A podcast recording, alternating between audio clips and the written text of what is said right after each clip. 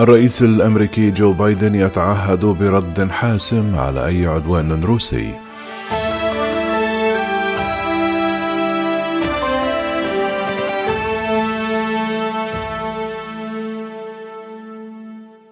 تعهد الرئيس الأمريكي جو بايدن خلال اتصال مع نظيره الأوكراني برد أمريكي سريع وحاسم على أي عدوان روسي ضد كييف فيما تستمر الجهود الدبلوماسية لحل الأزمة. وفي الأثناء تتدفق المزيد من المساعدات العسكرية الغربية على كييف.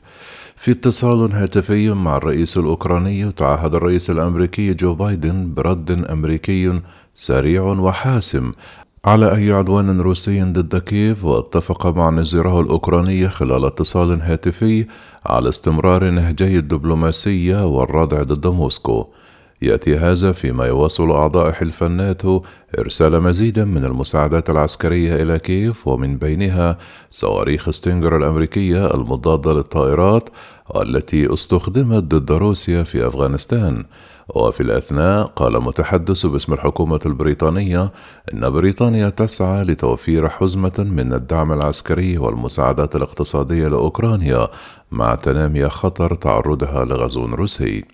فقد قامت بريطانيا بدعم الجيش الأوكراني بمساعدات عسكرية تضمنت قاذفات وصواريخ مضادة للدبابات كما أعلن مكتب رئيس الوزراء البريطاني أن بوريس جونسون سيقوم بجولة أوروبية في وقت لاحق من هذا الأسبوع لحشد الدعم من أجل إنهاء المواجهة مع روسيا.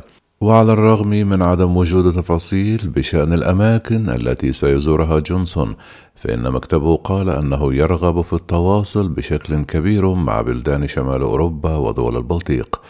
كان المتحدث باسم البنتاجون جان كيربي قال في وقت سابق أنه لا يمكن تأكيد التقارير عن عزم روسيا غزو أوكرانيا يوم الأربعاء المقبل لكنه أشار إلى أن واشنطن تعتقد أن عملا عسكريا كبيرا يمكن أن يحدث في أي وقت وفي أي لحظة.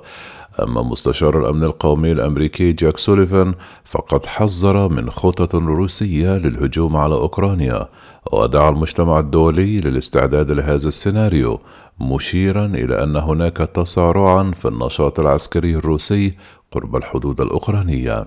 يأتي هذا كله فيما يقلل الرئيس الأوكراني فلوديمير زيلينسكي من شأن التحذيرات من غزو روسي محتمل ويؤكد أنه لم يرى بعد أي شواهد مقنعة حتى الآن وهو ما عبرت عنه الحكومة الأوكرانية التي ترى أنه لا جدوى حتى الآن من إغلاق المجال الجوي للبلاد.